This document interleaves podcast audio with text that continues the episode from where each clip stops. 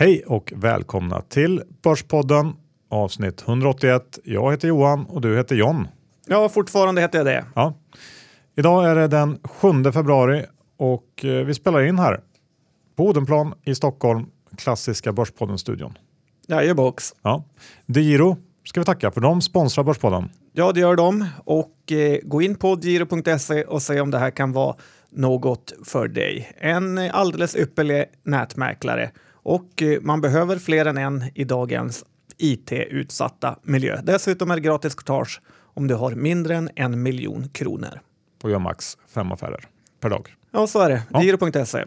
Du, eh, vi är ju även sponsrade av Leo Vegas. Har du spelat någonting på slutet? Ja, jag satte 1500 spänn på att New England Patriots skulle vinna eh, Super Bowl och med nöd och näppe så fixade Tom Brady och grabbarna det åt mig på overtime. Skönt. Hur gärna vill du vara Tom Brady egentligen? Ja, men det är ganska mycket faktiskt, men det tror jag delar med rätt många. Ja, så är det nog. Ja, nej, men Leo Vegas, vår spelpartner. Gå in, öppna konto och lägg ett spel. Vad kommer vi prata om idag? Idag är det rapporter, rapporter, rapporter och sen kommer, jag- tror jag att vi kommer prata lite om rapporter också. Ja, lite så tror jag det blir. Men det kommer också vara lite om bostadsmarknaden, lite om Twitterprofiler och om spelindustrin. Så är det. Nu kör vi igång. Johan, doktorn Isaksson, index ungefär 1550. Det har kört fast eh, här. Vad säger du? Ja, det har det ju eh, verkligen gjort. Vi har stått där ett tag nu. Och eh, nu har vi också sett en hel del av eh, rapporterna, i alla fall bland storbolagen. Och det har ju ändå, i mitt tycke i alla fall, varit en ganska lugn rapportperiod. Det finns ingenting egentligen som, som står ut så där supermycket och ingenting heller som jag tycker kan få oss att gå vidare upp på börsen. Så att det är väl på något sätt rimligt också att vi står kvar här.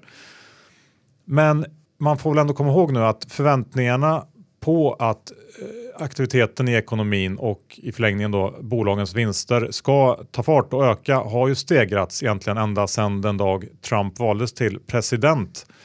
Och det finns, tycker jag i alla fall, en helt annan optimism i, eh, i börsen och kanske ekonomin nu än vad det gjorde för sig ett år sedan.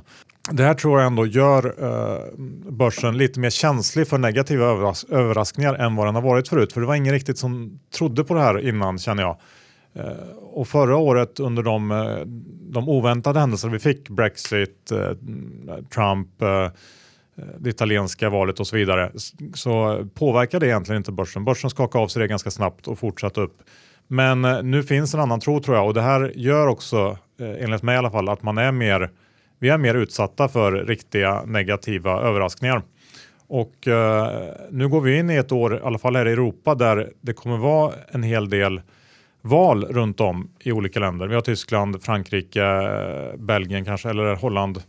Och eh, mycket tyder väl på att vi, vi kommer få se samma utveckling som vi har sett. Så att eh, det här tror jag börsen kan vara mer känslig för än tidigare. Ehm, det är någon typ av spaning jag har. Ja, det är möjligt. Eh, framförallt eh, det franska valet eh, känns ju lite läskigt där Le Pen leder så stort, men alla är ändå helt säkra på att de kommer förlora. Å andra sidan så eh, får man ju lite en känsla av att politiken har spelat ut sin roll vad gäller börsen. Att det spelar inte jättestor roll vad de eh, hittar på för något, utan det är ju själva eh, att marknadsekonomin är så stark just nu att det kvittar lite vad de tycker och eh, gör. Ja, det är möjligt. Jag vet inte. Vi, vi har ju inte sett som sagt någonting av det här på börsen än, men tittar man på räntemarknaden så har ju spreaden mellan tyska och franska och, eh, och även italienska räntor börjat gå isär ganska kraftigt och är på, på den största nivån på väldigt många år. Så att eh, det har börjat pyra lite grann där ute. Så värt att hålla koll på. Ja, verkligen. Ja. Vi svänger över till att snacka lite om insiders tänkte jag. Förra veckan var ju du inne på att eh, pappa Persson i H&M skulle köpa mer aktier i H&M. Ja, jag kände att det var som när tränaren skickar in sin son hela tiden på fotbollsmatcherna. Ja, ja men du fick ju rätt. Han, han köpte 6 miljoner aktier i veckan. Och eh, efter det så kom det en hel del kommentarer från olika håll har jag sett. En del positiva och en del som menar att det här ska man inte bry sig om riktigt. Han, han, eh, det, här, det här köpet är bara en droppe i havet för Persson och eh, eh det spelar ingen större roll. Men jag håller inte riktigt med ändå för att nu köpte han en hel del aktier under 2016 och har då bevisligen fortsatt under 2017. Men innan dess så var faktiskt det senaste köpet, i alla fall vad jag har kunnat läsa mig till, 2011. Så att det är inte så att eh, Persson bara in och, och spontant köper hm aktier eh, hela tiden utan det är ganska väl uttänkt gissar jag och eh, han köper när han tycker att det är billigt helt enkelt. Ja, han borde ha rätt bra information om man säger så. Ja, så, så för min egen del så tycker jag ändå att det här är ett, ett väldigt positivt, en positiv signal helt enkelt och uh, han tror på Ja. H&M. Ja, ja, men det verkar ju lite som att strecket är helt tokig att sälja det här bolaget. Eh, jag har väl inte sett några blanka rapporter riktigt dyka upp så att jag antar att det är lite långa händer som har tröttnat på den här sega utvecklingen i H&M. Eh, och eh, en sak som man kan säga om H&M och det är att den är inte underägd i alla fall. Nästan varenda Sverigefond har, har H&M som största innehav och eh, det tycker jag verkar vara lite liksom grava felberäkningar hos förvaltarna. Särskilt eh, om man legat med det här innehavet i flera år. Då tycker jag inte riktigt att man har fått vad man har betalat för om man har köpt en aktivt förvaltad fond. Det här är ju lite backtrading. Eh, och det viktigaste är ju att man presterar med sin fond i stort, eh, för alla innehav kan ju inte alltid gå som man har tänkt. Men ändå Johan, lite trött är det att ha H&M som största innehav. Jo, absolut. Så, så är det väl helt enkelt. Ehm, men vi får se. Det kanske kommer vara ett bättre val de kommande fem åren än vad det har varit de senaste fem. Ett annat bolag där det har varit lite insideraktivitet är ju MSAB och inte Melker Schörling då, utan Microsystemation där insiders har sålt i veckan. Både styrelse och ledning har eh, passat på att sälja aktier. Och det här bolaget har ju en liten trist historik kring insiderförsäljningar. Och om det visar sig att 2017 blir ett riktigt dåligt år så är det tyvärr inte första gången som eh, den här typen av insiderförsäljningar har följts av, eh, av trist utveckling i bolaget. Eh, jag såg att Joel som är vd Bolle, var ute och sa att det var en större institution som ville köpa massa aktier så de hade förbarmat sig och sålt en liten del. Så kan det ju vara, men eh, ja, jag eh, skulle dra öronen åt, åt mig faktiskt om jag var aktieägare i MSAB just nu. Mm, jag undrar hur nöjd institutionen är nu som eh, redan ligger back. Och dessutom är man lite orolig för hur de kommer lyckas och kunna hacka iPhone 7. Eh, vad jag vet har man inte fått några rapporter på det. Ja, så kan det vara. Du, du fick ju väldigt många positiva eh, hejarop efter förra veckans förslag, dina första förslag som du skulle genomföra i The Young Government, vilket var kul. Systembolaget var ju eh, ett av de första grejerna du skulle åtgärda och du har någon typ av systemspaning även denna vecka. Ja, men det är ju så att eh, bolaget har kommit eh, med listan på de mest eh, sålda spritsorterna för 2016. Och eh, den tragiska läsningen är ju att det som är billigast säljer mest. Det är Sofieroölen som Kopparbergs äger och eh, Lord Calvert whiskyn som säljer mest av whiskyn. Och eh, om man ska beskriva Lord Calvert eh, så kan man väl kanske göra det bäst genom att säga att det är ungefär den här typen av whisky som man får på all inclusive orter. Att den är gul men smakar någon konstig spritblandning. Och eh, Sofiero, vilken färg är det på den burken Johan? Ja, blå väl? Ja, och eh, det är också den billigaste de har på bolaget. Det här, Sofiero är ju ölen som man bara köper om man ska bjuda väldigt många personer. Och eh, om man vill vara med om en extra sjuk upplevelse så kan man ju gå till Kopparbergs egen pub, eh, John Scott, och köpa den på fat för 59 kronor styck. Eh, jag får lite samma känsla som att jag skulle pynta 89 kronor glaset för att dricka California Red Johan. Men det intressanta med det här kan jag också tycka är ju att eh, Mackmyra verkar göra stora framsteg. De hade ökat försäljningen väldigt mycket och de har ju förstått det här att eh, svenskar egentligen inte vill dricka finsprit utan det är billig fulsprit eh, som gäller. Och eh, de har ökat massor nu eh, och eh, Mackmyra har ju hela sortimentet. De har hunnit bli ett gammalt eh, företag eh, då det finns lite mer mognare whisky eller vad man nu kallar de här gamla äldre sorterna. Och eh, sen har de ju jobbat upp varumärket lite och eh, nu har de även fulspriten till sitt förfogande. Eh, Macmyra är ju väldigt skuldsatt och balansräkningen är inte i jättebra skick. Så att vid nästa nyemission Johan, då tror jag faktiskt att det kan vara läge att slå till på Mackmyra. Ja, men jag, jag håller nog med. Jag, har för mig att vi resonerar ungefär likadant när vi pratar om bolaget eh, vid den senaste emissionen här i höstas. Så att eh, håll koll där. Det kan mycket väl vara så att det vänder någon gång. Twitterprofiler John, vill du prata om? Jo, men det är ju så att eh, vi får en liten toppkänning av hur ekonomin här i världen är när man ser hur de här Twitterprofilerna, som faktiskt många har Eh, ett riktigt jobb eh, hos till exempel nätmäklarna, och eh, jag får lite samma känsla som jag fick när jag jobbade på Remium under 2007. Att folk man jobbar med börjar bry sig mer om sina egna pengar än om firmans och kundernas. Alla vill profitera och även profilera sig lite. Visa hur duktig man är och så vidare. Och eh, sen måste man ju också lägga till att de här flesta tweetsen som kommer sker ju faktiskt på arbetstid och eh, då spelar det ingen roll om man skriver att det är lite tufft där i slutet att åsikterna är mina egna. Nej, det har du en poäng i. Det har ju blåsat upp någon typ av ny eh, etikdebatt också kring spelsektorn, John, driven av snåljåpen. Ja, jag vet inte om det är han som driver den, utan det är en dokumentär på P1 här som har satt eh, lite fart på den. Och eh, alla som har lyssnat på Börspodden här genom åren vet ju hur jag under flera års tid eh, sagt hur vissa av de här spelbolagen verkligen mjölkar sina VIP-kunder. Att om du blir bjuden till Liverpool med Glenn Hussein för att se en fotbollsmatch och det är Unibet som bjuder så är, du så är det förmodligen inte för att du vinner så mycket utan för att du är en gigantisk eh, speltorsk. Men dels blir jag lite äcklad när man försöker eh, packa på sin egen investerarmoral på andra. För om man är för god för eh, att investera i spel, kan man då eh, investera i bolag som säljer alkohol? Förmodligen orsakar alkohol oändligt mycket mer skada än spel. Kan man investera i flygbolag som flyger tjocka turister jorden runt och förstör miljön? Kan man köpa bilföretag? Kan man köpa Nordax som lånar ut pengar till fattiga?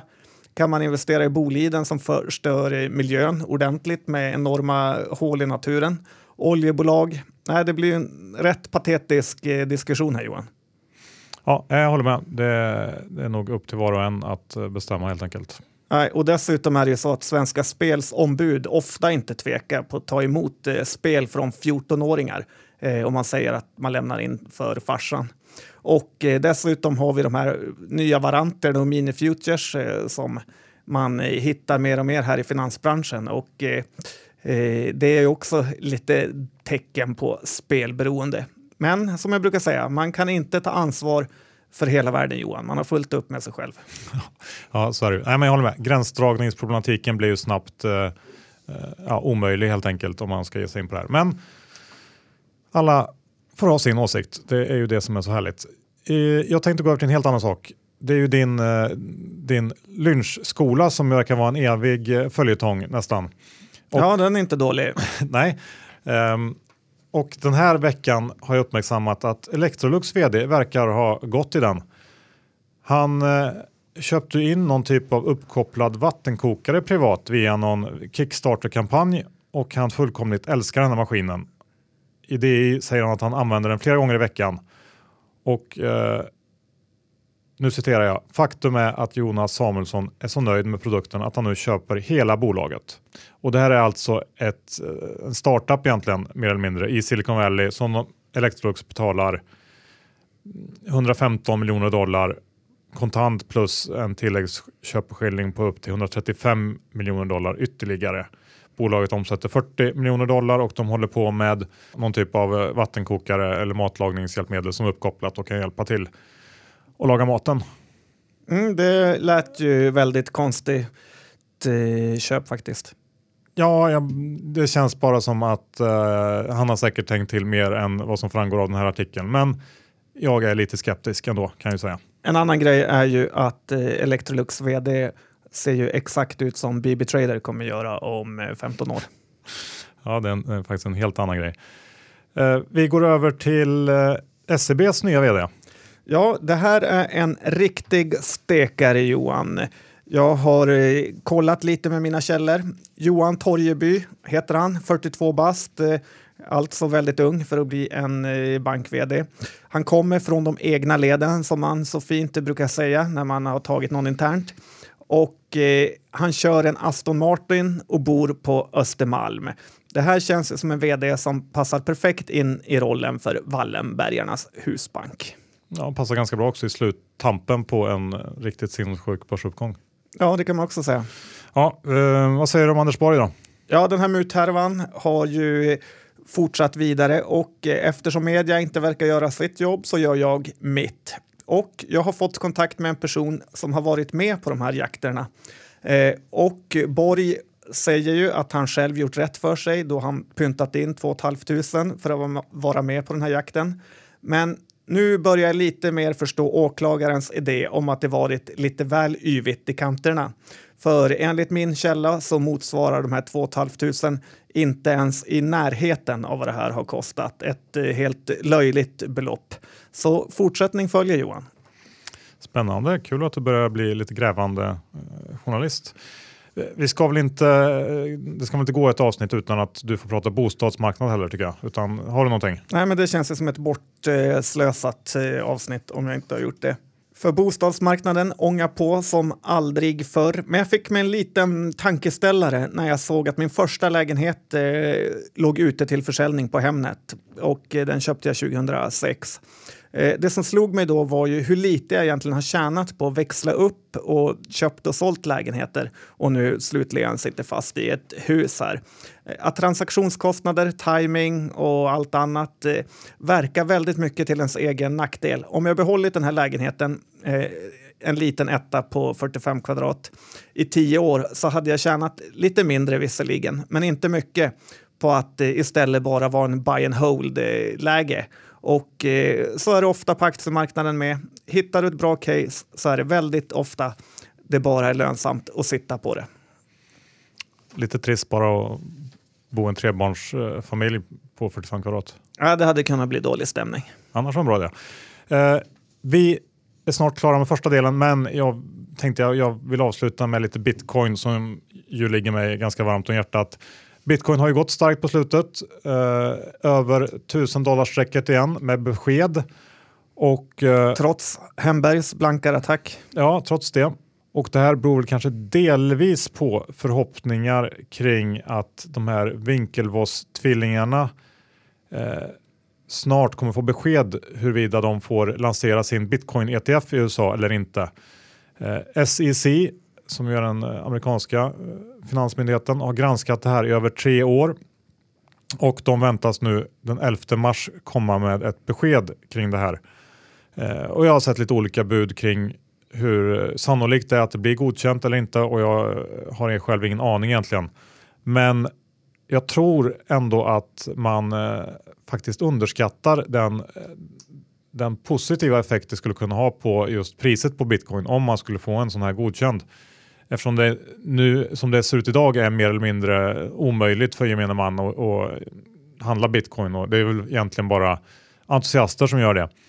Och det skulle ju kunna vara ett slags första steg mot att uh, bitcoin blir en mer, mer, ett mer accepterat tillgångslag kanske man kan säga. Mm, ett andra steg är att det hamnar i PPM och sen kommer jorden fullständigt implodera. Ja, jag, jag tror att det skulle vara bra för världen faktiskt. Så att, uh, vi håller koll på det 11 mars. Ja, spännande. Winkelvås-bröderna har ju i princip aldrig gjort en dålig affär. Så.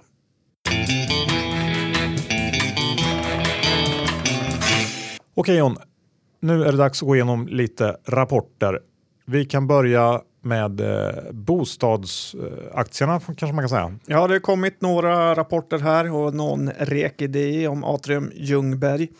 Eh, de här aktierna har börjat eh, gå upp igen efter att ha eh, tappat på att räntan och Trump-effekten eh, eftersom de är ganska stora förlorare på höjda räntor. Balder, Hemfosa är ju två aktier som eh, jag har tipsat om och eh, som båda är ganska hårt belånade.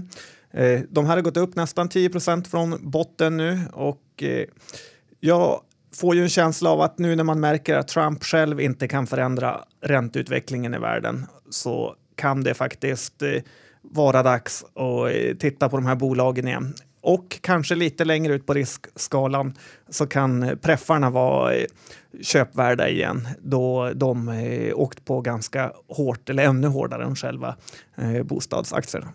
Ja, okej. Okay.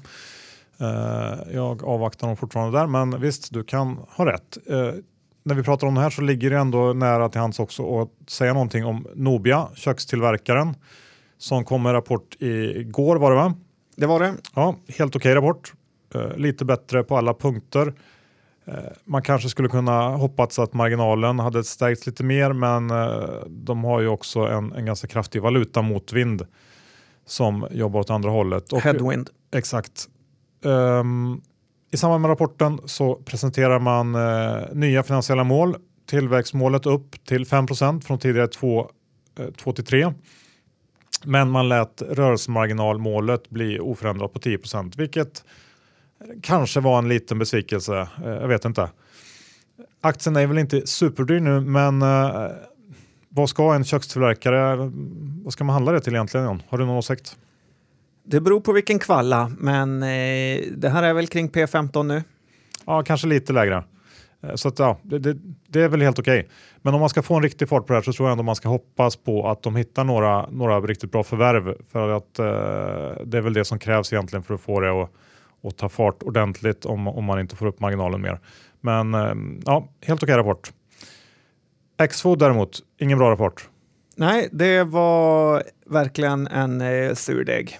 Ja, ebit 11% under förväntningarna, vilket eh, dels förklaras av eh, valutan eh, och sen så skyller man också på det här med eh, julafton på en lördag. Ja, det är nog en av de mest patetiska ursäkterna någonsin.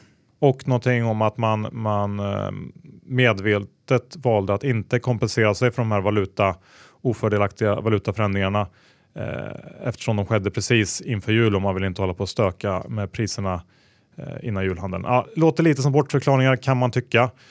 Rörelsemarginalen ner 0,6% till 3,6 och eh, ledningen var också för att konkurrensen ökar både från online och från eh, lågprisaktörer antar jag.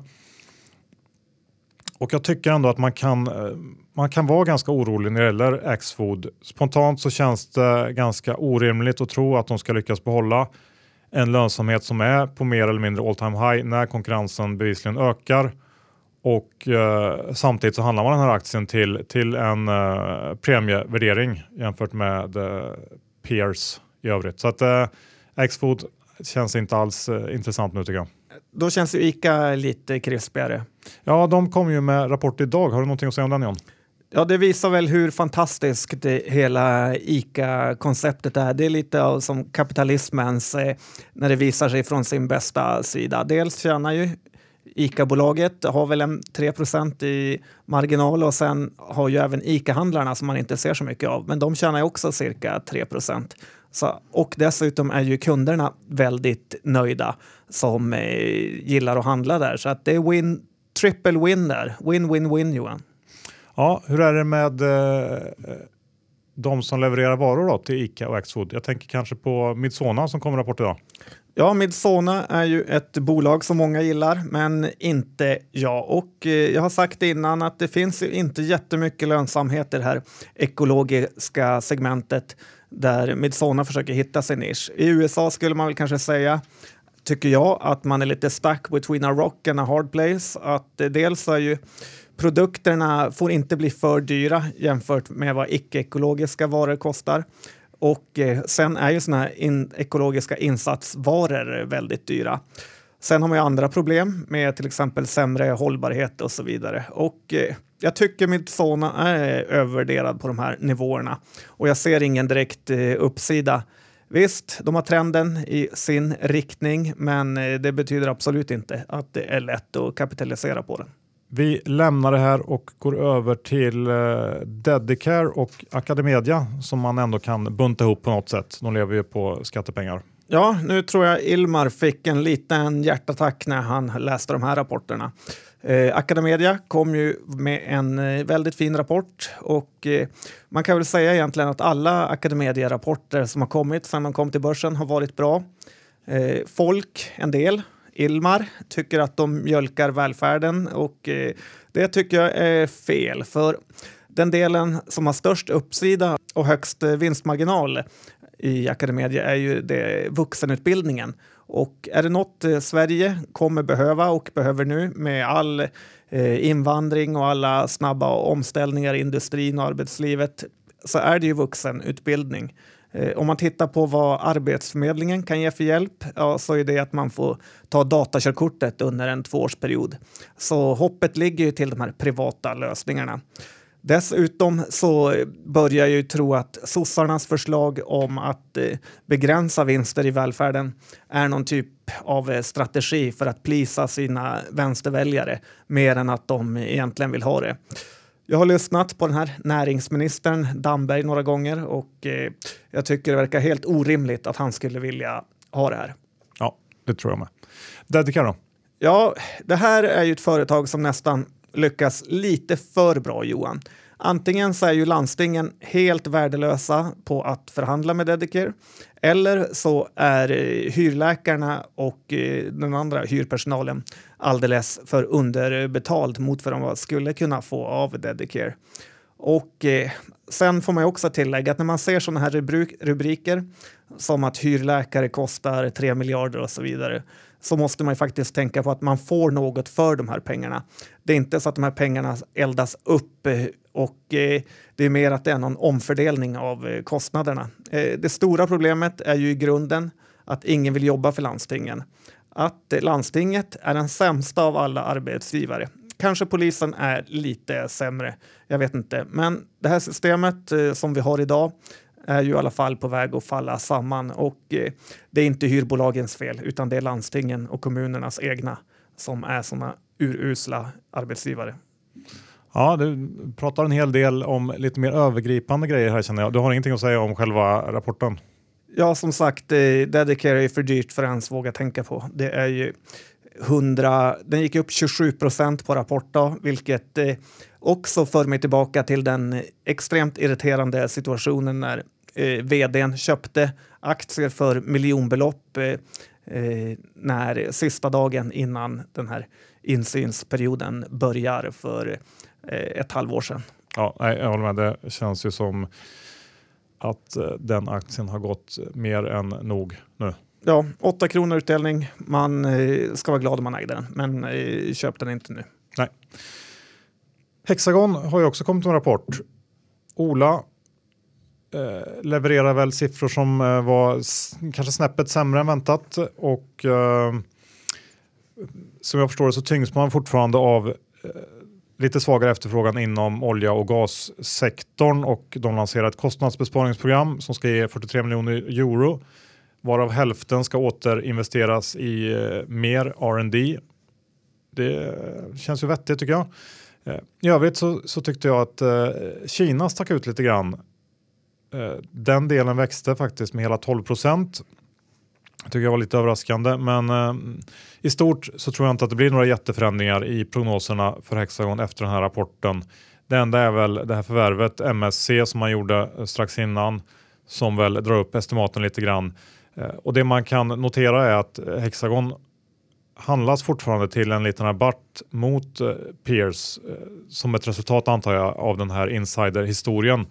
Men det äts upp hela tiden eh, lite grann pö om pö sådär i takt med att det inte händer så mycket har jag en känsla av.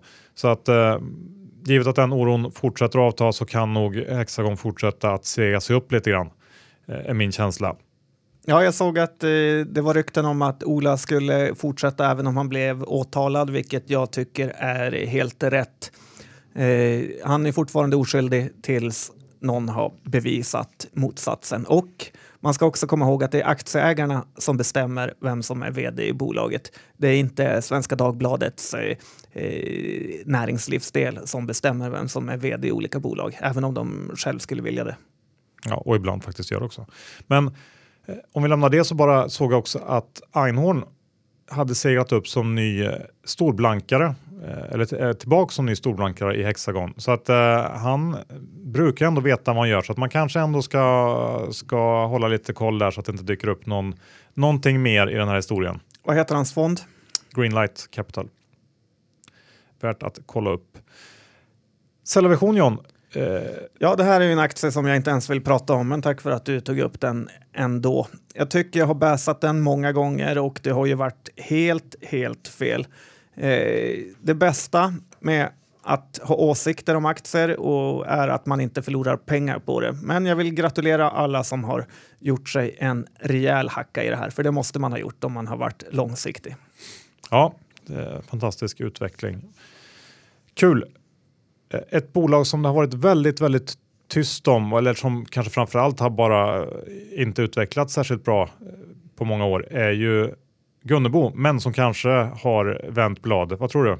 Ja, det är ju så att det här bolaget har ju varit en turnaround sedan eh, finanskrisen och eh, kom häromdagen med en ganska fin rapport. Eh, det är ju som du sa tråkigt och bortglömt. Eh, Gunnebo säljer kassaskåp, inpasseringsgater och eh, till och med bankautomater tror jag. Eh, det som sticker ut med Gunnebo är ju att det måste vara ett av de bolag på börsen som betalar allra mest eh, skatt. De tjänar 300 millar innan skatt och sen försvinner det 100 miljoner där så att det bara blir 200 kvar till aktieägarna. Visst, eh, det är bra att betala skatt om man får eh, citera vem Johan? Mona kanske? Mona, precis. Eh, men någon måtta får det faktiskt vara. En stor del av den här verksamheten är ju Frankrike och i Frankrike hatar man ju företag. Men jag tycker ändå att det är dags för Gunnebo att börja skatteplanera lite för att bolaget ska faktiskt jobba för aktieägarna och inte för staten. Även om eh, Sjöstedt gärna skulle vilja det. Ja, och jag, jag, måste ändå erkänna att jag gillar det här lite grann. Jag får någon slags sån här prepper-feeling av Gunnebo. Kassaskåp, eh, ja, allt sånt där, in, säkerhet, inpasserings, eh, grejer och ja, det, det, finns någonting som jag gillar i det här. Och ett annat bolag som ju har ridit på den här trenden är ju Securitas på något sätt. De eh, har eh, gått väldigt starkt på börsen i takt med att eh, framförallt nu förra året då, invandringen ökade i hela Europa och ja, efterfrågan på säkerhetstjänster ökade.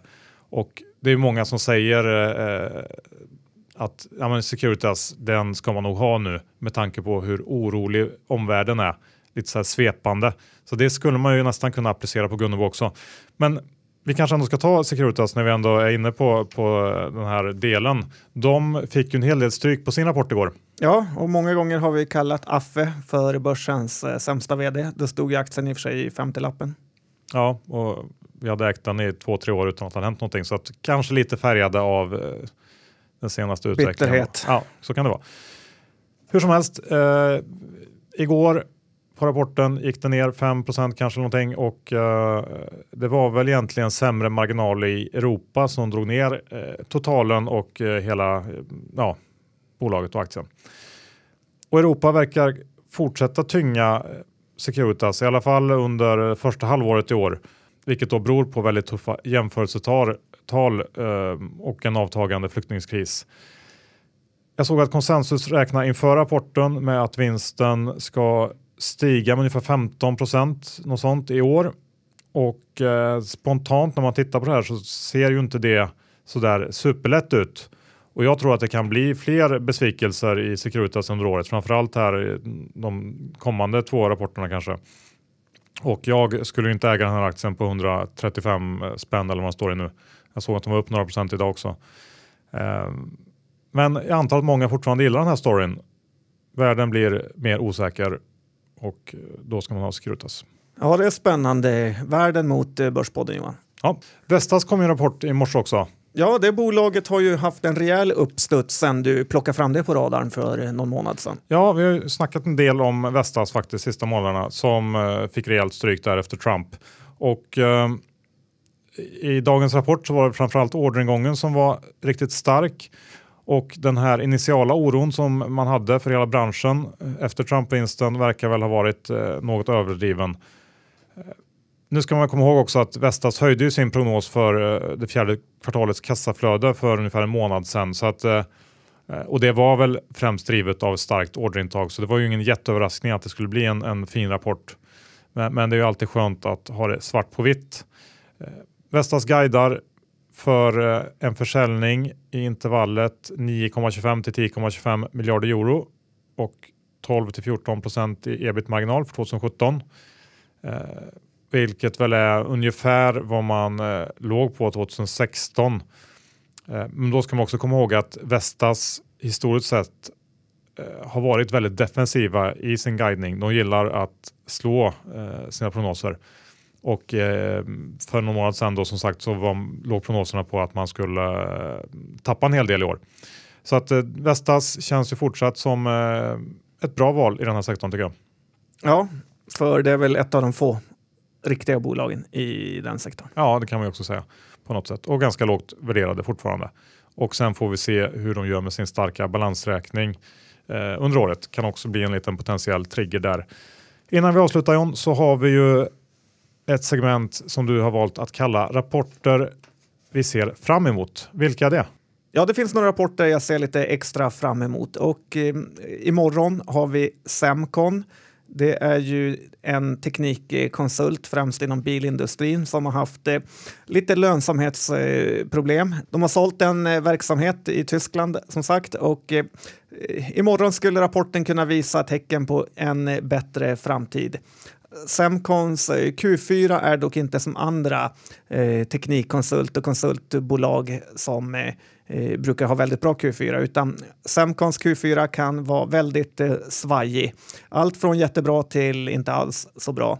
Den tyska verksamheten de sålde tog ju bort lite av den här så kallade drömfaktorn eh, som man kunde ha om framtiden.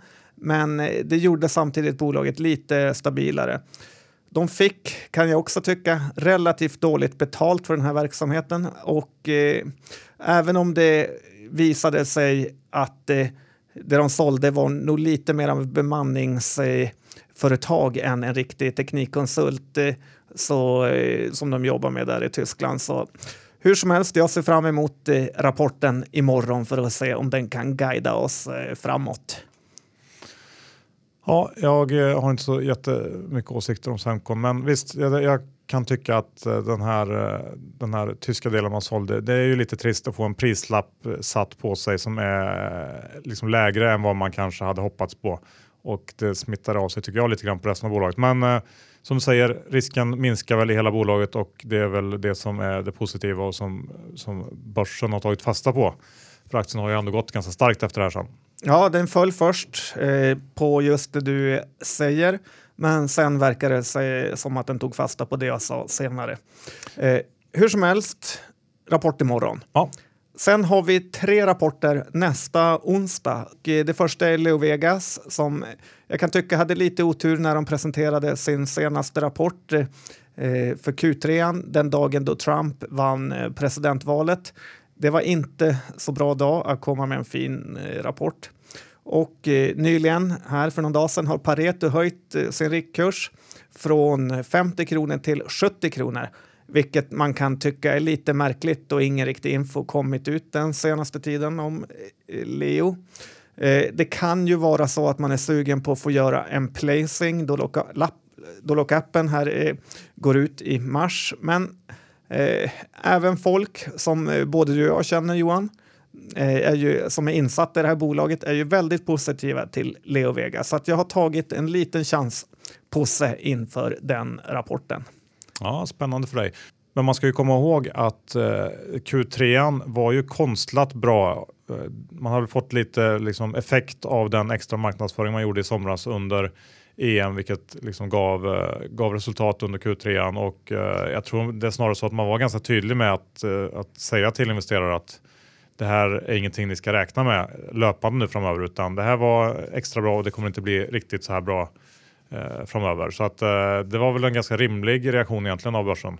Vi får se vart det leder. Ja, och mer? Sen har vi Firefly och det ska bli spännande att se om eh, Firefly har lyckats vända den här dystra trenden som eh, vi har sett de senaste två kvartalen. Det kan ju vara så att eh, det har kommit in en hel del orders i och med den här ökande aktiviteten inom industrin. De har ju också flaggat för att det kan komma lite extra kostnader i samband med flytten, för de ska flytta till större lokaler och det kan ju också sänka resultatet lite. Så att eh, Ja, som vanligt finns det ingen information om Firefly mellan rapporterna så att det gör det lite extra roligt när de kommer. Och sen slutligen Johan så har vi ju Studsvik. Och eh, det är alltid lika kul att höra dina suckar när det här bolaget gör dig besviken. Eh, nu väntar ju lite gosiga engångsposter och eh, frågan är ju om de har lyckats vända skutan. Ja, det kan ju komma precis vad som helst ur Studsviks Q4 och eh, som sa så vet vi ju att de får in en royaltybetalning. Jag skulle dock inte kanske välja att kalla det för en engångspost. Det är ju en del av deras business helt enkelt, men eh, de får in de här betalningarna lite stötvis sådär. Eh, men resten av bolaget, hur det utvecklas, jag har ingen aning. Eh, det kan nog bli lite både och där. Så att det blir spännande att se helt enkelt. Ja, nästa onsdag smäller alltså. Det gör det. Det blir intressant. Och nu är vi väl färdiga för idag John, eller? Nästan, nästan. För att eh, jag har faktiskt börjat ge mig in i den finska tradingbranschen eh, med väldigt eh, dåligt resultat. Att eh, jag försöker handla på de finska bolagens rapporter och här måste jag säga att jag förstår ingenting. Aktier kan komma in med rapporter som är lite, lite bättre än väntat och sen gå ned 10 procent.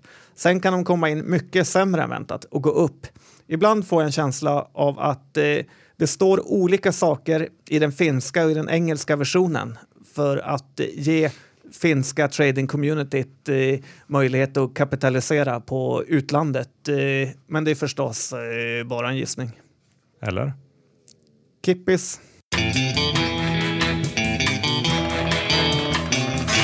Tack, är Giro. Ja, för att ni ökar konkurrensen på den svenska nätmäklarmarknaden. Diro.se så får du en fantastisk nätmäklare. Så är det. Och tack Leo Vegas för att ni sponsrar Börspodden. Ja, ladda ner appen om ni vill testa den. Jag har sett att den bara fått femmer i betyg. Oj, ja, det låter bra. Och eh, ni får ju heller inte missa vårt relativt nya nyhetsbrev där man får en sammanfattning av avsnittet, eh, uppspaltat vilka bolag vi har pratat om för de som inte hör när vi slöddrar fram bolagsnamnen och eh, även lite extra lästips och sådär som vi inte får med i veckans avsnitt. Nej, det är svårt att få med hyperlänkar i talform. Gå in på börspodden.se och eh, leta upp fliken där det står nyhetsbrev tror jag. Mm, det var flera tusen som har signat upp sig. Ja, det är det. Bra, vi ska ju inte heller glömma vilka bolag vi äger eller är korta bland de vi har pratat om. Jag äger H&M, jag äger eh, Studsvik jag äger Bitcoin, vilket ju inte är ett bolag men ändå så väljer jag att ta upp det idag. Ja, så Claes Hemberg kan försöka sänka din portfölj. Jag har desto mer bolag. Hennes och Maurits har jag en liten stek av. Jag har Gunnebo. Jag har lite Semcon som jag nervigt håller. Leo Vegas, som sagt, en liten eh, späck inför rapporten. Firefly har jag ju alltid pratat om och eh, den har jag. Sen har jag även lite preffar. Är det något mer bolag vi har snackat om? Alla som går bra har jag inte. Nej, jag tror nog att det var allt va? Alles. Ja, tack för att ni lyssnade den här veckan. Vi hörs om exakt en vecka igen. Tack och hej!